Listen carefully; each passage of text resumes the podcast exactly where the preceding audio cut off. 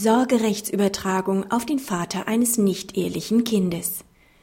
Einem nicht sorgeberechtigten Vater darf bis zum Inkrafttreten einer gesetzlichen Neuregelung entsprechend 1671 Absatz 1 BGB die elterliche Sorge für seine nicht-ehelichen Kinder übertragen werden.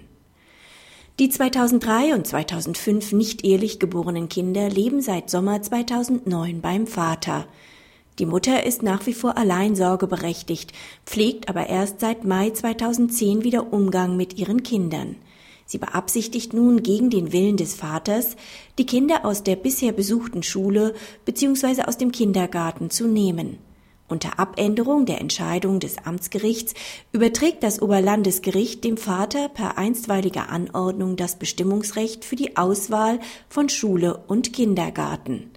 Der Erlass der Anordnung ist außerhalb der Eingriffsschwelle des Paragraphen 1666 BGB möglich, nachdem das Bundesverfassungsgericht ausgesprochen hat, dass die Regelungen in Paragraph 1626a Absatz 1 Nummer 1 und Paragraph 1672 Absatz 1 BGB, die den Vater eines nicht-ehelichen Kindes von der elterlichen Sorge ausschließen, wenn die Mutter die Zustimmung verweigert, mit Artikel 6 Absatz 2 Grundgesetz unvereinbar sind.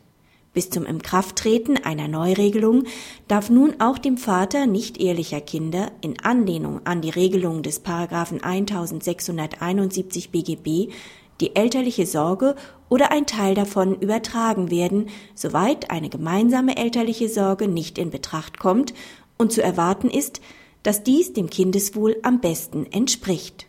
Praxishinweis der Entscheidung des Bundesverfassungsgerichts war ein Urteil des Europäischen Gerichtshofs für Menschenrechte vom 3.12.2009 vorausgegangen, das den generellen Ausschluss der gerichtlichen Überprüfung der Alleinsorge der Mutter nach 1626a Absatz 2 BGB wegen Verstoßes gegen das Diskriminierungsverbot des Artikel 14 in Verbindung mit Artikel 8 Europäische Menschenrechtskonvention beanstandet hatte